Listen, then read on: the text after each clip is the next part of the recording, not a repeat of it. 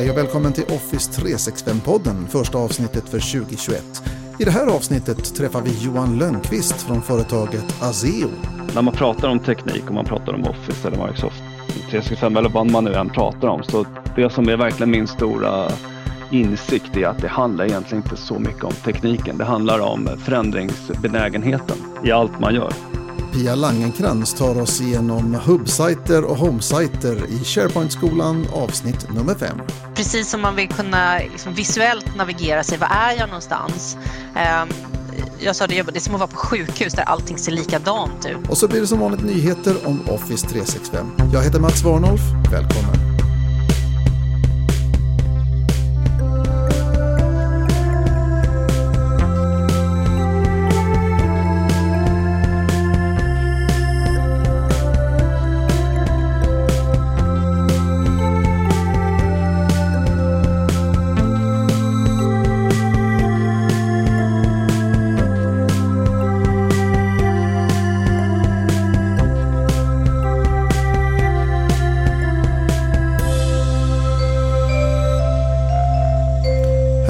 Veckan hade jag förmånen att lära känna en kille som heter Johan Lönnqvist som kommer från ett företag som jag faktiskt inte kände till innan som heter Aseo.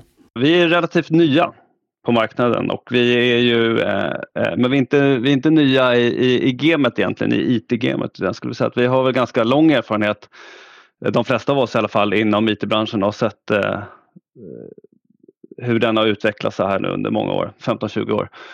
Eh, men företaget är nytt. Eh, men det som vi gör är väl egentligen att vi, vi utmanar ju de, eh, de stora drakarna egentligen med ett nytt sätt. Och det som väldigt mycket Microsoft kallar också att de vill ha partners som är born in the cloud. Och det kan man väl helt, helt klart säga att vi är. Vi föddes en höstdag i molnet här i höstas egentligen. Då. Men som jag sa, vi har ju, alla vi har ju erfarenheter från tidigare företag sedan tidigare. Då. Det som är speciellt med vad jag förstår är ju att ni har ett fokus på de lite mindre företagen. Alla, alla känner till de stora företagen. Så är det ju. Det är de som syns och hörs och så. Men det är inte de som är eh, i pyramiden egentligen i, i, ute i Sverige utan det är ju de mindre bolagen.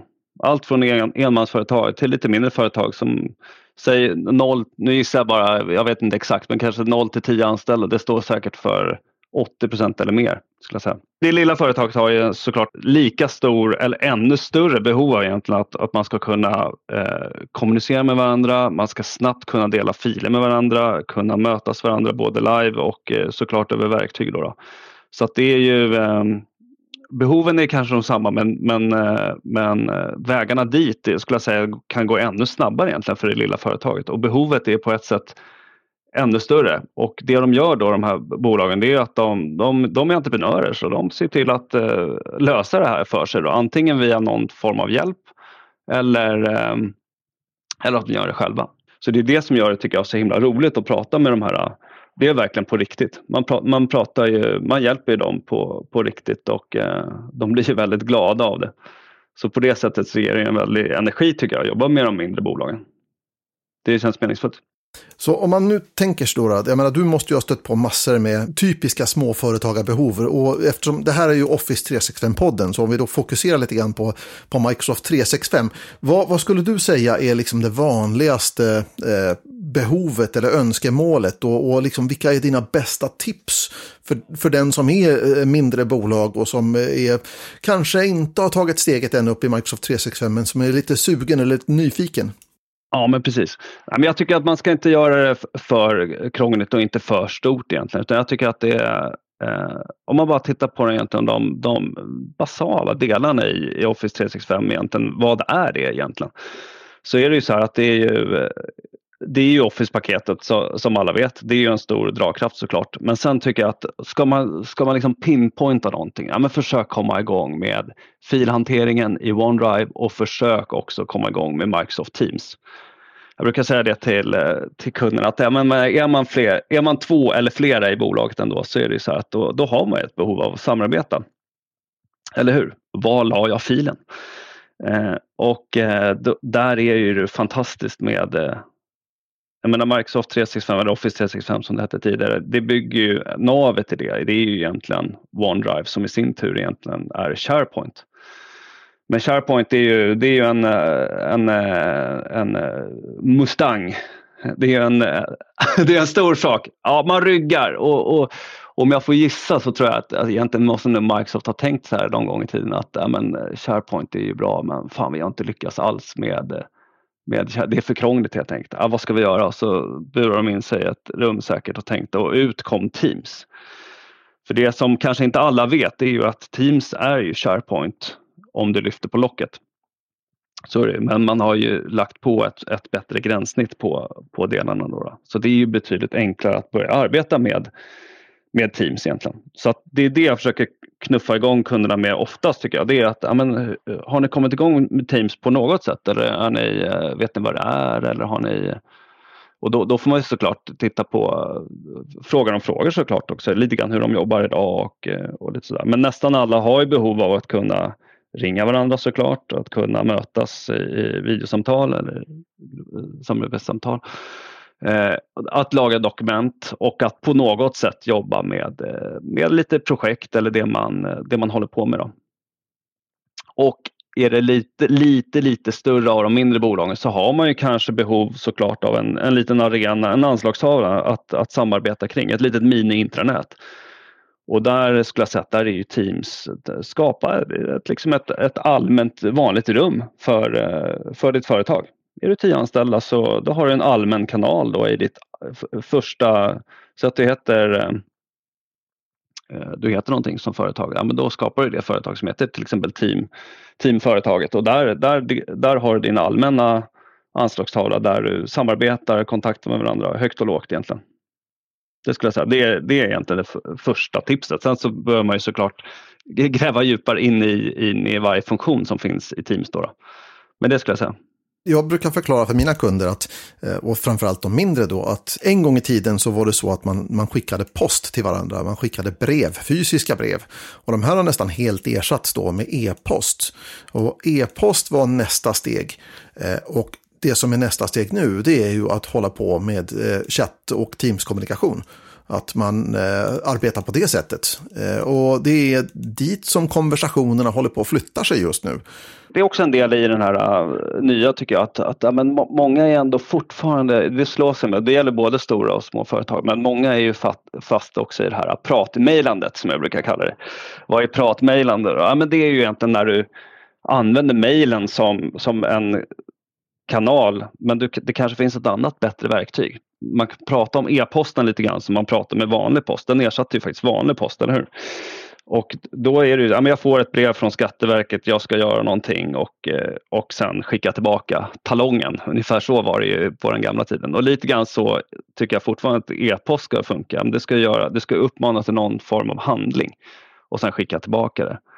Men e-post lämpar sig absolut inte för typ allmän information eller den här klassikern. Ja men eh, du eh, Pelle, Janne, eh, Lotta och Helena, ta, här skickar jag ut den här semesterlistan till er i Excel. Och så får ni fylla i den och så får ni skicka det tillbaka till mig. Jag menar, det, det är en sån här klassiker, då har man ju gjort egentligen lite dubbelfel. Dels så har man ju då eh, pratmejlat ut då och sen så har man ju skickat ut en fil då som tillbaka hamnar i kanske fem versioner.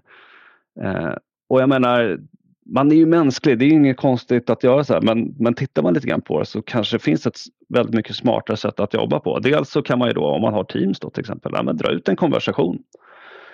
Eh, hur ser det ut med semestern här? Eller ännu bättre, man kanske, kanske kan skaffa en kanal i ett team som isolerar den konversationen till just det det handlar om. Då, då. Eh, och sen att man har eh, kanske då filen såklart som ligger på Teams då som heter semesterlista där alla kan gå in och redigera. Och så sparas det där då istället i molnet. Så det är den här formen av eh, att man får liksom coacha, piska morot predikan för, för kunderna. Att liksom, ja, men hur, hur kan vi jobba lite grann smartare? Hur, bra tips på vägen egentligen de små företagen, deras behov av Microsoft 365 är ju å ena sidan rätt lika de större bolagens och samtidigt så skiljer de sig lite grann. Ja, visst är det så. Och det är det som är så himla, alltså egentligen när man pratar om teknik och man pratar om Office eller Microsoft 365 eller vad man nu än pratar om, så det som är verkligen min stora insikt är att det handlar egentligen inte så mycket om tekniken. Det handlar om förändringsbenägenheten i allt man gör. Om det är nu så att man ska sluta mejla och börja chatta istället eller, om, eller som då kan vara att ja, men vi ska eh, flytta upp det i molnet. Jag menar, det innebär en förändring också. Och kopplat då till det här stora företaget, det är ett stort företag, ja, men då, då kanske i, i, i värsta fall om man säger så, men då kanske liksom det inte finns så mycket IT-avdelning kvar eller att helt enkelt så ska jag börja jobba med förvaltning på molnet. För det behövs också. Medan man då i det lilla företaget, då, då behöver man inte så mycket av den förändringen på själva tekniken utan då, kanske man, då sätter man ju sitt förtroende till den konsulten man har eller det bolaget man har som kan hjälpa en med det. Så det är ju det, är det som skiljer också. Men det är liksom förändringen både på hur man jobbar med att ta hand om det här löpande till att man har, hittar nya arbetssätt. Det är det som är det svåra och roliga eh, i, i det här. Då. Tycker jag. Så, men det är min absoluta insikt med efter alla år. Hållit på. Det, det sitter verkligen inte i tekniken. Den är möjliggörare men det är, liksom, det, är, det är vi människor och våra vanor. Det är de som är, är de svåra.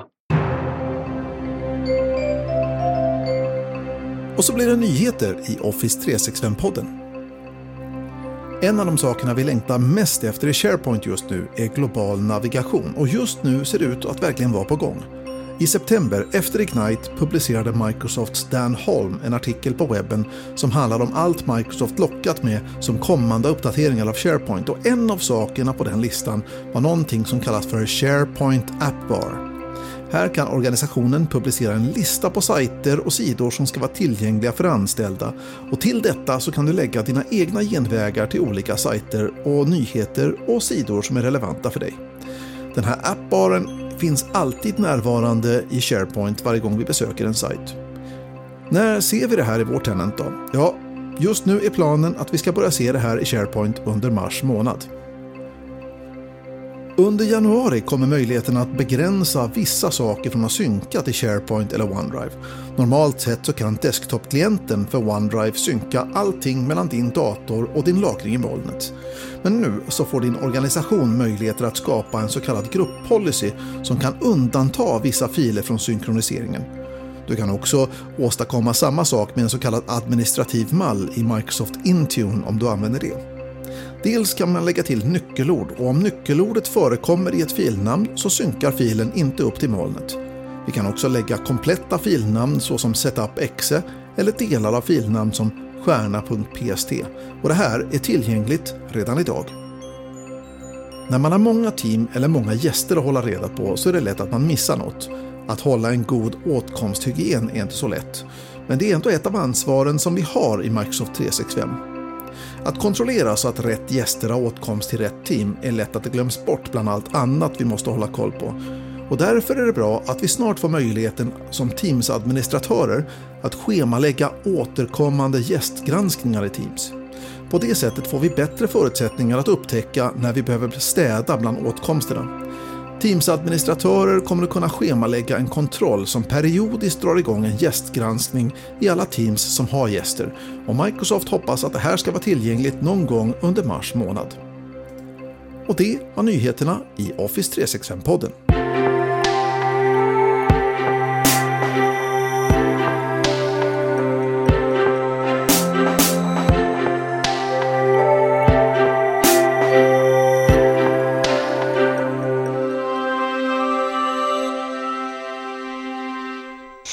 SharePoint-skolan nummer fem. Woo! Bra jobbat allihopa som har kommit så här långt och fortsätter att lyssna måste jag säga. Idag så ska vi prata om homesajter och hubbsajter och, och liksom reda lite i den röran för att det här är inte uppenbart för de allra flesta. Pia, please take us from our misery och red ut det här. Ja, jag ska göra mitt bästa. Det är lite rörigt. Um, och och det bottnar ju väldigt mycket i det här subsajter. Det var inget bra system. Eh, vi behöver ett annat system för våra interna sajter för att när man hänger upp det liksom intranätet, det här hatälskade intranätet. När man hänger upp det på en hierarki eh, så får du ha den hierarkin om den är liksom tekniskt inlåst som det var med subsajter. Då får du leva med det tills du gör en redesign av hela, eh, av hela intranätet. Det var, här är ju en av anledningarna till varför det har dykt upp sådana fantastiska verktyg som, som ShareGate och, och, och, och resten av verktygen som man kan använda för att organisera om i sin mm. SharePoint-infrastruktur. Därför att när man hade byggt upp saker och ting med subsiter så var man liksom lite inlåst i det, sin egen design. Mm. Man har målat in sig i sitt eget hörn där liksom. Ja, precis. Och jag menar, för att göra det lite mer målande också, vad, vad, skulle det här kunna betyda? Ja, men precis, du har ett intranät och sen så eh, har vi en, eh, en utvecklingsavdelning och under den här utvecklingsavdelningen så har vi ett projektkontor och under projektkontoret så har vi massa projekt. Sen helt plötsligt så är det något av de här projekten som inte ligger under projektkontoret längre under utvecklingsavdelningen utan den ligger rakt under ledningen och sen så här, nu vill vi flytta på den här för den hör inte hemma där. Och då, ja precis, och då, då knackar man på dörren till liksom SharePoint och bara “tjena, kan du bara flytta den här sajten?” och man bara “oh, oh det här kommer eh, ta tid och kosta när man pengar”. Ser liksom, när man ser SharePoint-människorna skruva mm. lite grann på sig, lite, precis, ser lite bara, oroliga är, ut. Då bara, är det inte bättre att du börjar om på nytt? Liksom? Du kan få en ny eh, liksom, liksom, sajt någonstans, men att flytta på en sajt, ah, nej, vi vill inte. Eh, och nu idag kommer man knacka på dörren och bara säga så här, hej, i den här hierarkin, i den här home-sajten, under hub-sajten, under den här, liksom, kan du flytta på den här? Och man bara, ge mig två minuter så är det klart. Eh, och vad man säger så här, no geek required, utan det är bara klick, klick så är det klart. Det är lite eh, sorgligt också på ett sätt, eller hur? Ja, Nej, jag bara skojar. Alltså det, det, finns ju vissa arbetsuppgifter som vi har fått lämna bakom oss. Eh, är det här det som vi ska gnälla om? Liksom med, när andra blir ersatta av AI så bara vi kommer ihåg när det fanns en hård kodning i det här. Då var vi tvungna att flytta. Då var det jobbigt. Och min tid. Precis, när vargarna ylade. Man fick liksom akta sig för dinosaurierna när man skulle gå till jobbet. Exakt. Både på väg till och från jobbet. Ja. Nej, men då har ju då de här olika eh, sajterna dykt upp. För då var det, var det någon sån här, då började vi med att nu ska vi ha en sajt per ämne. Eh, det var lite där någonstans det kom till att liksom så här, tjoho, nu kan vi ha communication sites. Det var liksom det första som kom, det vill säga en, en SharePoint-sajt som inte var kopplad till ett team eller någonting annat. Um, och sen då ska de här communication sites kopplas ihop med en hub-sajt. Och då löste vi det här problemet med subsajter för då behövde ju inte de här olika communication site som handlar om ett ämne vara under den här sajten hierarkiskt, det vill säga den behövde inte eh, den var, den var, inte knuten till den som ägde den här sajten utan den var väldigt fristående. Om, man, om vi går tillbaka bara, liksom kort genomlysning då på det här med hur saker och ting brukade vara. Då hade vi någonting i, i roten som man kallar för en site collection. Och den hade liksom en slags huvudsajt på sig. Och sen så kunde man skapa Eh, man kunde separera ut innehåll till en separat sajt, en så kallad subsajt, men vad, den hängde ihop hierarkiskt med den, det vill säga den bodde, den levde i den här sajtkollektionen, den här, här webbplatssamlingen som folk kallar det för på svenska. Den levde liksom där och dog där och att flytta den till en annan webbplatssamling utan verktyg var ju bara att glömma. Utan då, den, liksom, den, den var där den var. Och många gånger så har man städat upp det här då genom att skapa nya sajter och sen så flytta innehållet och sådana här saker. Men nu då, det här med hubbsajter, då har vi ju en mycket lösare koppling. Faktum är att Microsoft har ju börjat undvika att kalla det för site collections och, och webb, eller webbplatssamlingar längre, utan de, de börjar ju liksom prata nu bara om SharePoint-sajter. Ja, och, men det är ju fortfarande så att varje sajt som du skapar skapar en site collection. Så vi har ju fortfarande begreppet kvar och det är inte dumt, jag gillar det. Ehm, för det är någonstans att det, det håller ihop hela den här vad jag tycker om i ägandeskap, i governance, vilken mall ska det vara, vem är det som ska ta hand om den här, när ska det arkiveras eller raderas och det här. Och det är mycket, mycket lättare att sätta då liksom på den här site collection som kan ha massa regler och sånt till sig som man kan hantera.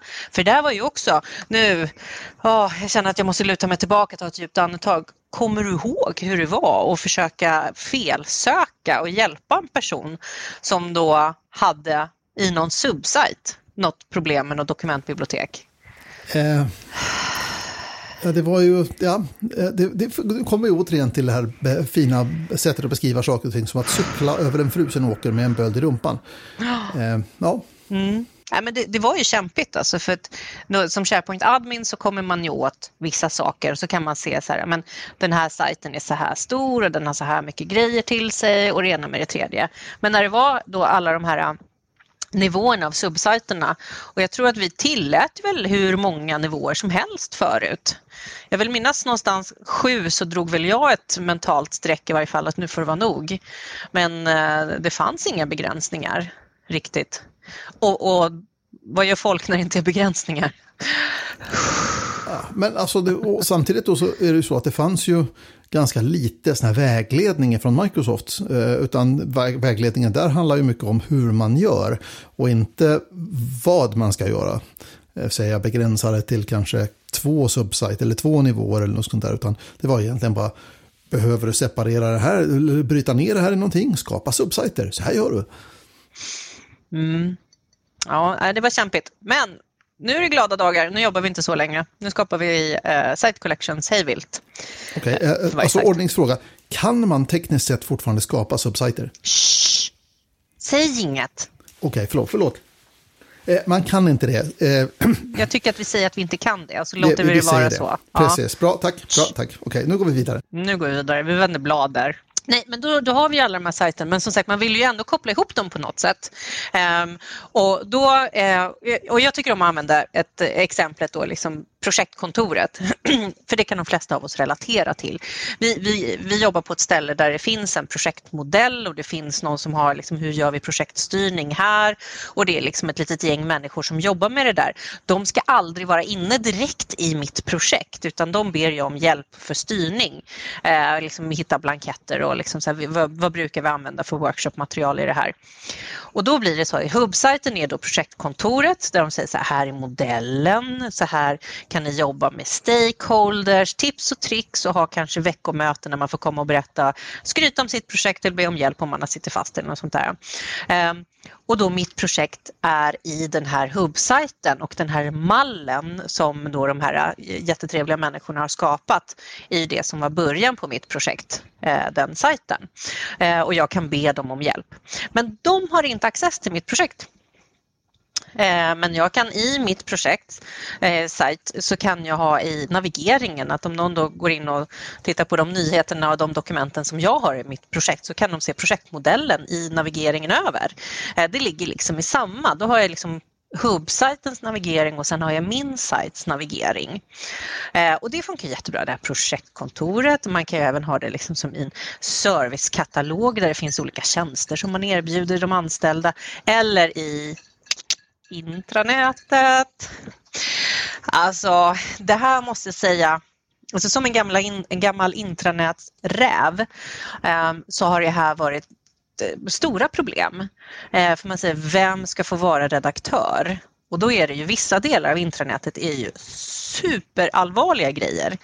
När man har policies. Eh, och jag menar attesteringsregler, herregud, det får man ju inte pilla på hur mycket som helst. Eh, sen finns det vissa delar av intranätet som är hur öppet som helst. Eh, och då ska man försöka förena det här med någon governance och någon ordning och reda. I det gamla intranätet fick man bryta behörigheter och man fick liksom ha ett prestigekrig och sådana här saker. Det var tuffa tider för måste jag säga. Där kom jag bara ville jobba med dokument och sajter och så plötsligt blev det väldigt, väldigt mycket politik och vem tycker bäst? Eh, du förstås. Nej, jag ville bara ha en, liksom, berätta hur ni vill ha det så fixar jag det. Och så bara, det blev lite då det, allt åt alla orden. Ja. Och det funkar sådär. Eh, men, men nu då med den här eh, Hubsite Eh, Eh, då kan man göra så att man, personalhandboken är det någon som håller i som är ansvarig för och sen så finns det någon annan som har liksom de här policies eh, och där vi kan slå på godkännande flöde bara för den. Och sen då när projektkontoret ska göra om hela sitt när de vill ha någonting då behöver de inte göra om hela intranätet, då kan de göra om sin sajt. Då kan de jobba med en sajt vid sidan av och sen så bara när de är klara så jackar vi in den där. Det är fantastiskt. Hubbsajter när det kom fick man bara ha typ fem och sen så fick man ha 50. Nu tror jag att de har alltså plockat bort den där begränsningen. Men homesite får man bara ha en. Yes. Och det är ju till för att homesajten ska ju vara den sajten som du bara behöver en av, det vill säga intranätet. Mm. Landningssidan liksom, eller landningssajten. Precis, och den knyter ihop flera hubbsajter. Ehm, och det är ju liksom den organisationen som du kan ha. Och dessutom så finns det ju massa jättetrevliga webbdelar på homesajten som inte finns på andra. Du kan ha eh, alltså den, är, den är ju personifierad eh, per default. Det vill säga att jag får nyheter som är relevanta för mig baserat på min roll och lite andra saker. Men då måste jag också bara säga till allihopa som lyssnar på det här, för att få det där att funka så måste ni ha ordning på ert AD. Det är ju A och O alltid. Få ja. koll på identiteterna. Identiteterna. Och det här hatar ju eh, kommunikation mig för när jag säger.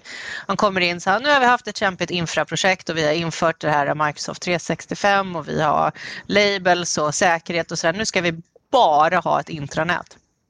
Man blir så här, bra, har ni några målgrupper? Nej. Vi vet inte. Nähä. Men det ska jag fixa. Jag bara, men fast jag, jag, jag gör ingenting själv. Jag bygger ju på andra saker. Det är ju då ett, ett bra AD. Jag, jag blir återigen så fascinerad när man får de här frågorna. För att det, det händer ju ibland att kunder säger liksom så här, men vi har, inte, nej, vi har ingen speciell målgrupp. Det är, så här, det, är, det är typ alla för allting. Liksom. Och eh, är man liksom 30 pers på bolaget så köper jag att det kan vara, man kan ha saker och ting på alla. Är man 3000, not so much. Eh, då behöver man ha den här målgruppsindelningen och man behöver liksom, och, och var någonstans, var den här liksom klippgraden går mellan 30 och 3000, det vet inte jag, det är lite olika för olika organisationer. Men vad man vet är att är det 3000 pers så garanterat så behöver man liksom ha målgruppsorientering i sin, sin eh, eh, intranät då. Att man behöver ha det som kallas då för audience targeting eller målgruppsanpassning. Mm. Så är det. Eh, nej men, och där måste man ju också tänka, eh, alltså, har du inte ett behov av målgrupper, eh, då blir det så här, ja men då så, då kan du ju lika gärna att all, alltså man ska jämföra det här med en, en värld som ingen vill leva i. Det är alla mejl som skickas, skickas alltid till alla. Och det är alltid reply all. För, för det är lite så det blir när du inte har några, någon riktad information. Ehm, jag brukar ta upp exemplet som eh, man har kontor, att, att sätta en sajt per kontor. Ehm, och då för, om vi säger nu att eh, du och jag har varsitt kontor, säger eh, centrala Sverige och södra Sverige. Ehm, och i mitt kontor då med 500 anställda och ditt kontor med 300 anställda, för det är lika, vi, vi har inte anställt lika många där nere i, i södra. Men eh, på mitt kontor där jag har parkeringsplatser, jag har hissar, jag har eh, skrivare och sådana här saker. Eh, det är inte så att det är hemligt för dig hur, var de står någonstans och hur de funkar och man kan få en pinkod och, och sådär. Men det är inte intressant för dig. Du är inte målgruppen för Stockholmskontoret. Men när du bestämmer dig för att komma upp och besöka mig på den här jätteviktiga workshopen som vi ska ha så vill du veta hur kommer jag till kontoret och var kan jag parkera? Ja, men då kan du gå in och söka efter Stockholmskontorets sajt och hitta den där. Eh, men det kommer inte in på din home site när du loggar in på den. Liksom att det är stopp på den här hissen. Liksom att, ja, så att ni vet, de kommer på fredag.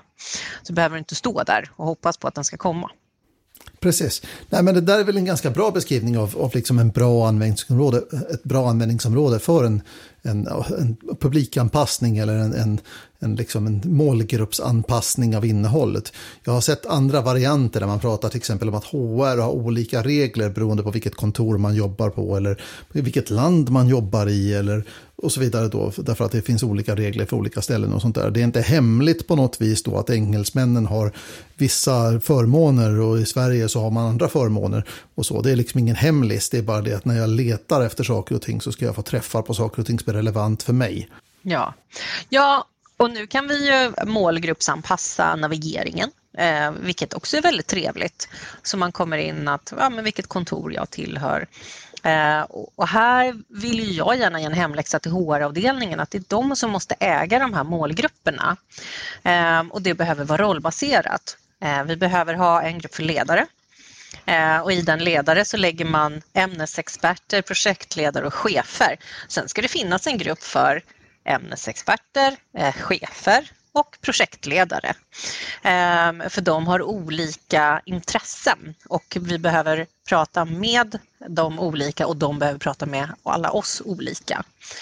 Ehm, och sen då de här eh, geografiska grupperna ehm, och, och, lite annat sånt där. Vad är som, hur är vårt företag organiserat? Ehm, för det här är ju också liksom i den här nya digitala världen, vårt digitala arbete, så, så blir ju alla liksom, alla delar av företaget som inte har digitaliserat sin verksamhet eller hur, hur ska de stötta i det digitala arbetet har ju någonstans blivit så här övervintrade hippies. Jag menar en, en kommunikationsavdelning som säger så här, jag har ingenting med IT att göra. Eller en, liksom så här, men alla har någonting med IT att göra. För att IT är ju numera som el, alla har el. Precis. Eh, och alla har IT. Och det, är någonting... det, finns, det finns toaletter på alla kontor också. Liksom. Ja, precis. Vadå, är vi alla rörmokare? Eller, ja, eh, ja.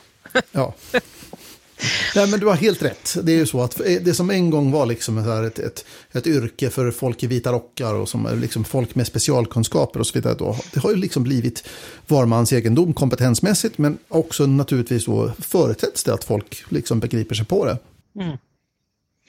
Ja, och, och, då blir det ju liksom att när du använder då, för att knyta tillbaka det här till vad har det här med homesajter och kommunikationssajter att göra? Ja, men det är inte en liten grupp på IT som håller intranätet längre, utan de här olika sajterna som då ägs av kanske den här ämnesexperten eller projektgruppen eller projektledaren, då blir den här projektledaren den som har, blir ansvarig för sin sajt. Ehm, det är inte IT som är ansvarig för den sajten utan det är projektledaren som säger så här, vad, är, vad är mitt syfte just nu, vad jag ska försöka uppnå, vad är mitt mål, vad är för risker, vilka behöver jag blanda in för att göra det här och det då ska han också göra digitalt. Sen så kan ju vissa fuska och ha en assistent, men, ja, men då måste ju assistenter kunna det här. Eh, och så ska ju ändå den personen kunna säga vilka är det som jag har i mitt projekt. De som inte är i mitt projekt, de ska kickas ut ifrån det här teamet. Och då blir det så här, oh, nu ska vi sparka ut någon. Japp. Jajamensan, ut med dem.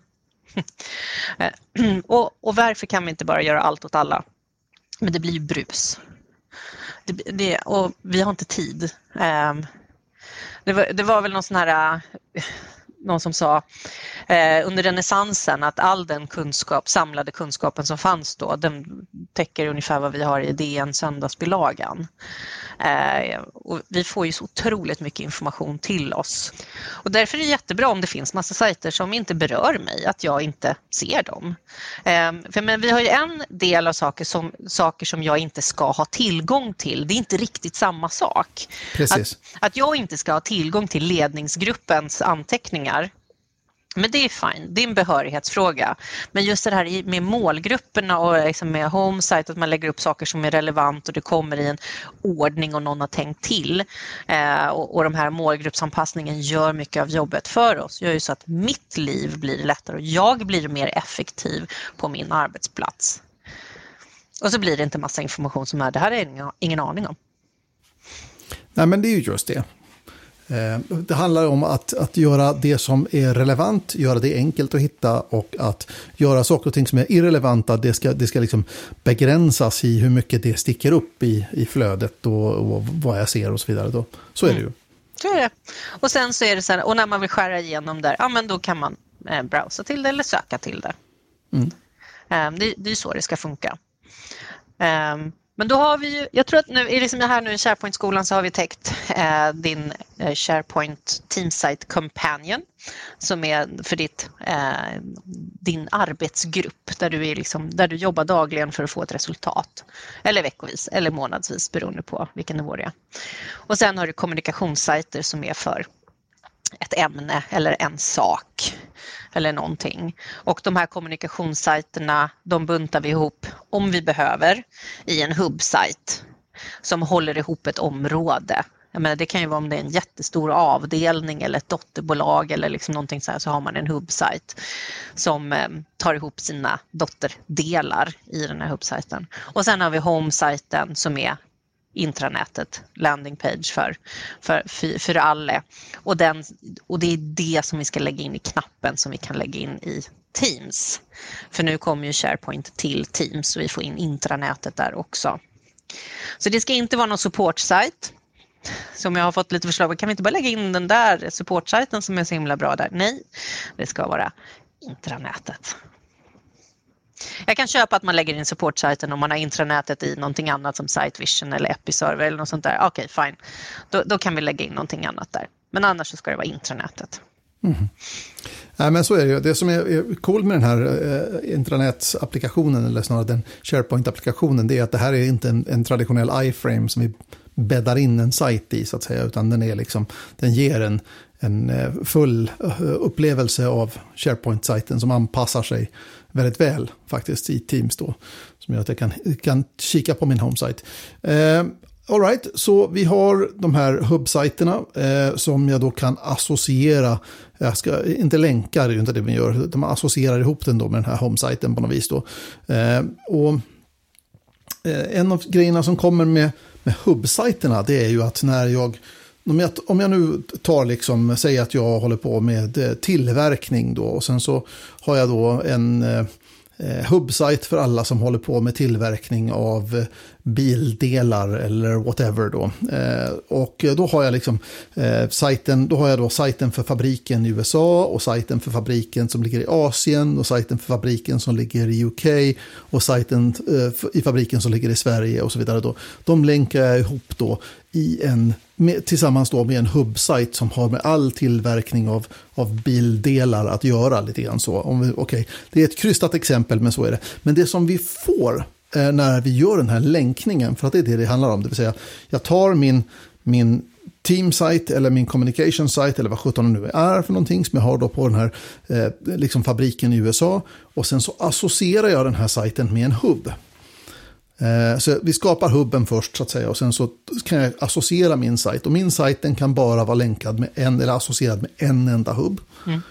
Eh, åt gången. Och, åt gången, ja precis. Mm. Jag, kan ju naturligtvis flytta den. Det är det som är grejen då, att man kan modellera om saker och ting. Och då får vi ju en slags hierarki fast inte på riktigt utan en upplevd hierarki. Men den är inte en, en fysisk hierarki på det sättet. Utan vi uppfattar den bara som att eh, liksom hör samman. Och de två sakerna som antyder att det hör ihop är ju att vi får en gemensam navigation för hubben, precis som du sa. Och vi får också att vi ärver sådana saker som grafiskt utseende, alltså färger och liknande saker. Det följer också med, så när jag associerar min sajt med eh, den här eh, bildelstillverkningshubben eh, så ärver jag de, de, liksom, de färgscheman och så vidare som används på den sajten, på den hubbsajten. Det kommer till min sajt också. Och skulle jag associera om min sajt till en annan hubbsajt, ja, då skulle den plocka färger och sådana saker ifrån den sajten istället.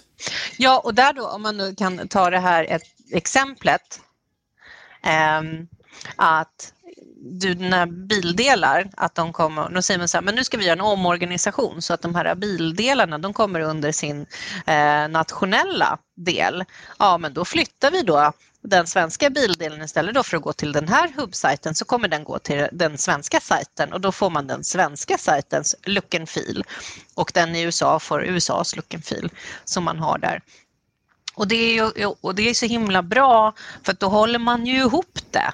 Då kan man... Ja, det, blir, det blir tydligt för användarna att det hänger ihop.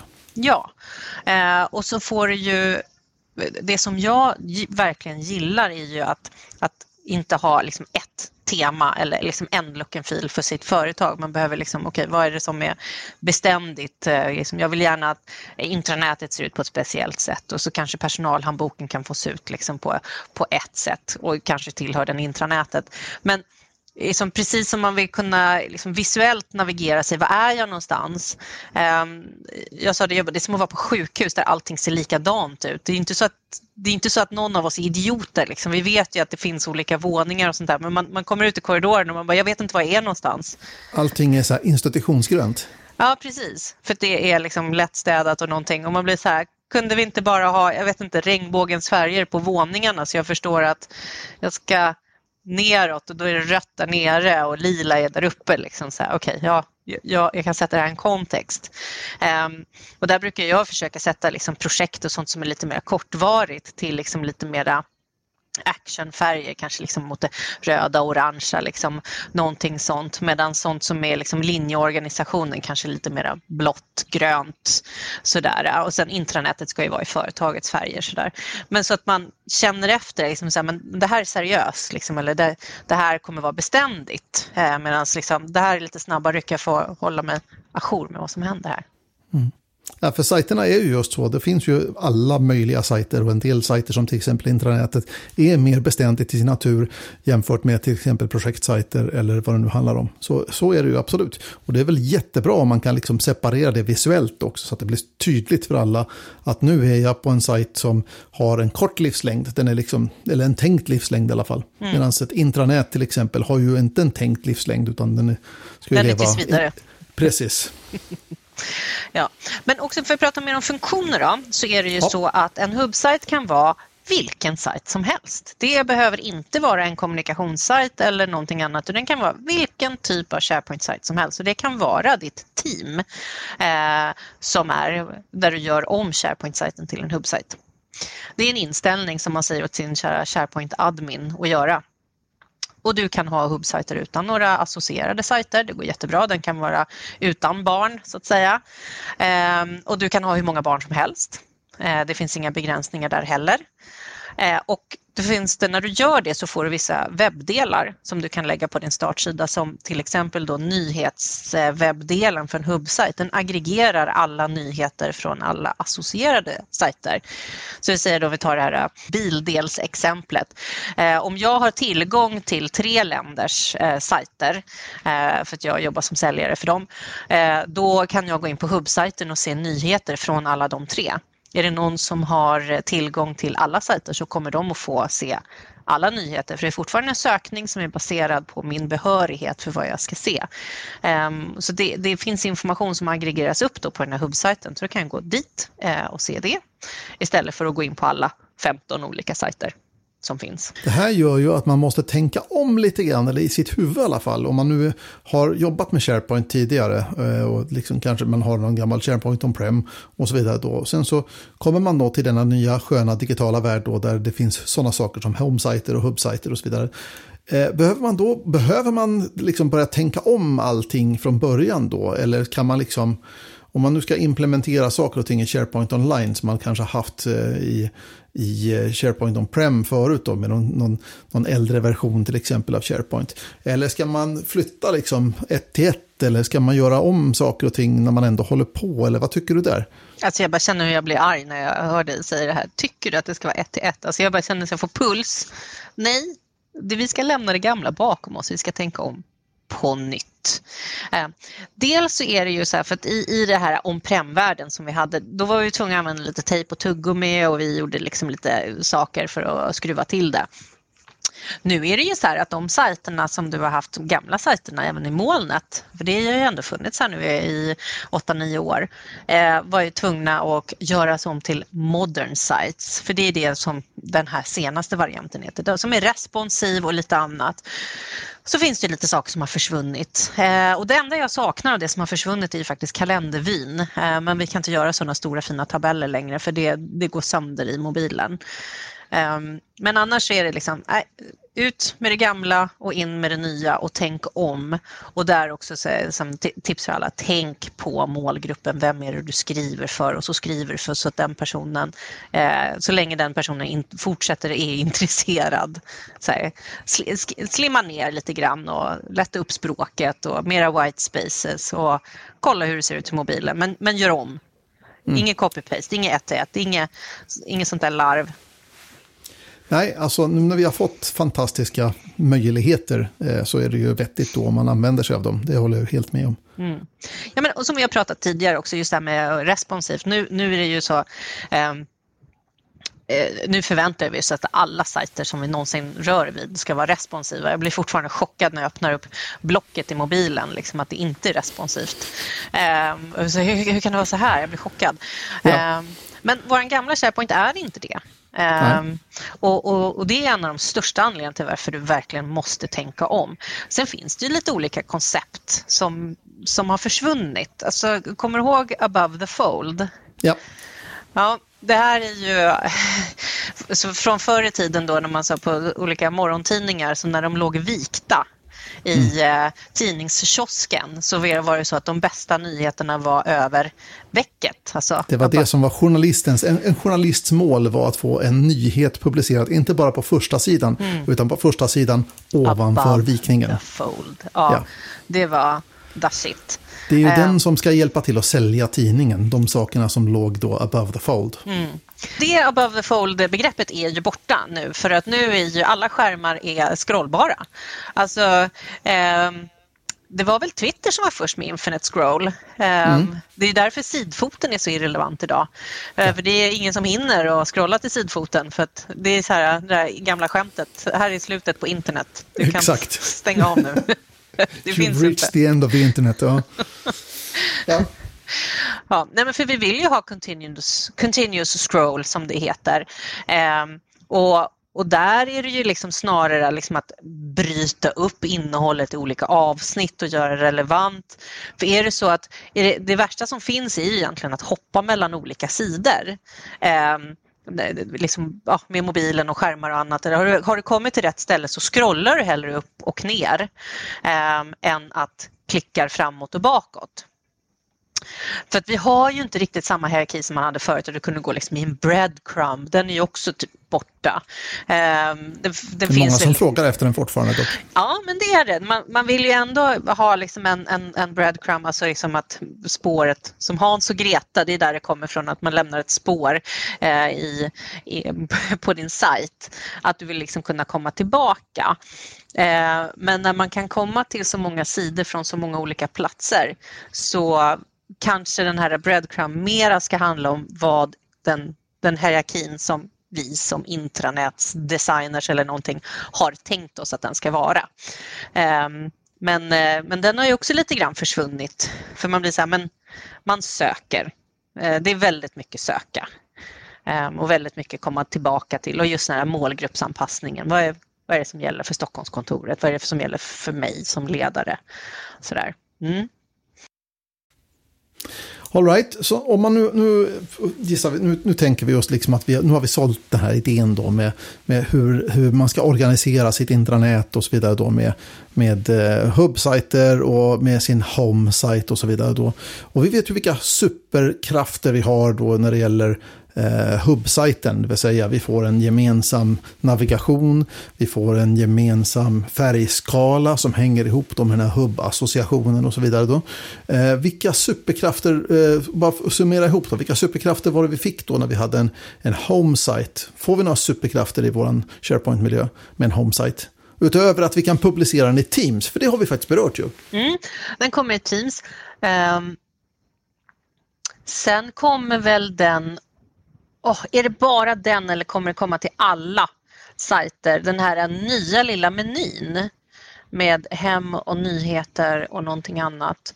Och sen så finns det lite mer aggregerade sökwebbdelar där. Och där får du också eh, corporate news.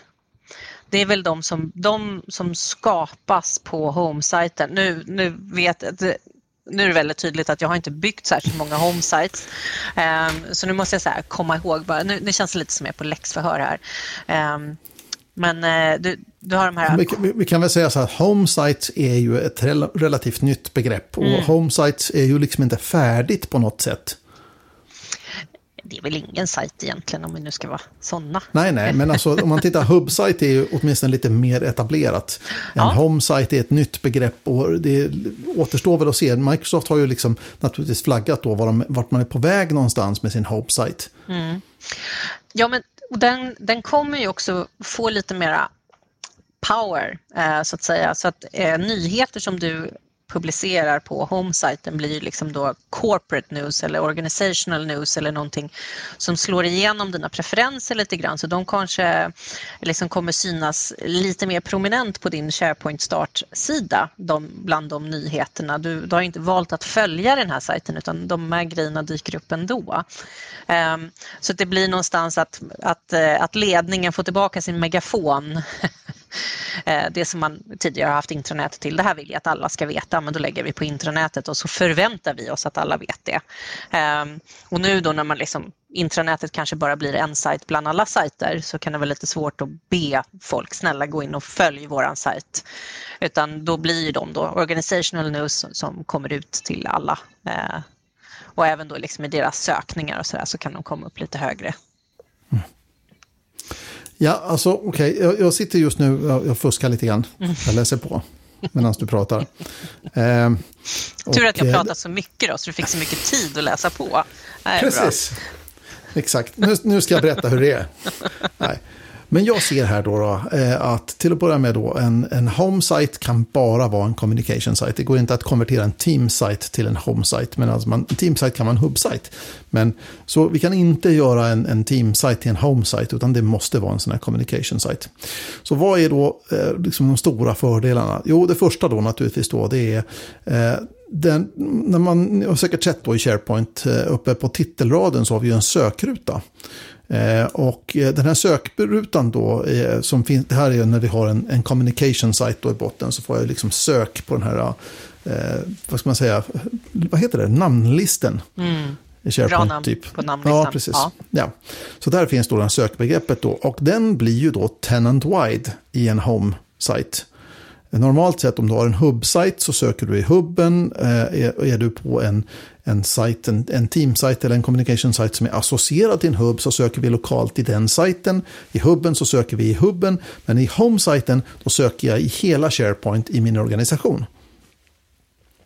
Och det här eh. får mig att tänka på sökdelen av de här gamla intranätprojekten. Kommer du ihåg när man, var, man skulle sätta in sökorden själv och tagga? Jo, precis. Det var inte meningen att få dig att börja gråta, jag blev bara ja.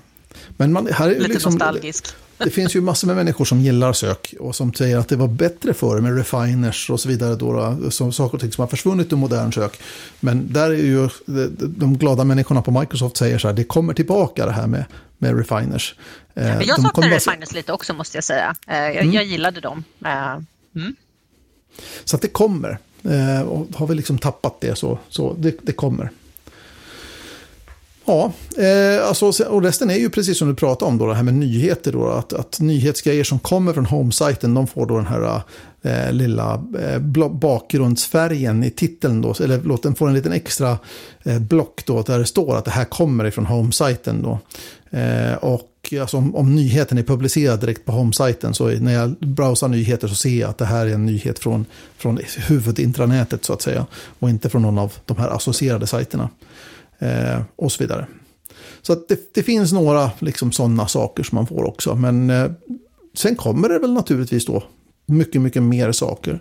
Saker och ting som vi har saknat eh, generellt sett då, det är ju att vi har ju den här fantastiska megamenyn och, och den här kaskadmenyn då som finns då när man navigerar som man kan bygga upp då. Men att, att eh, redigera den här menyn, jag har varit, jag har jobbat nu med tre kunder som har haft ganska många länkar och att redigera den här menyn är ju inget kul.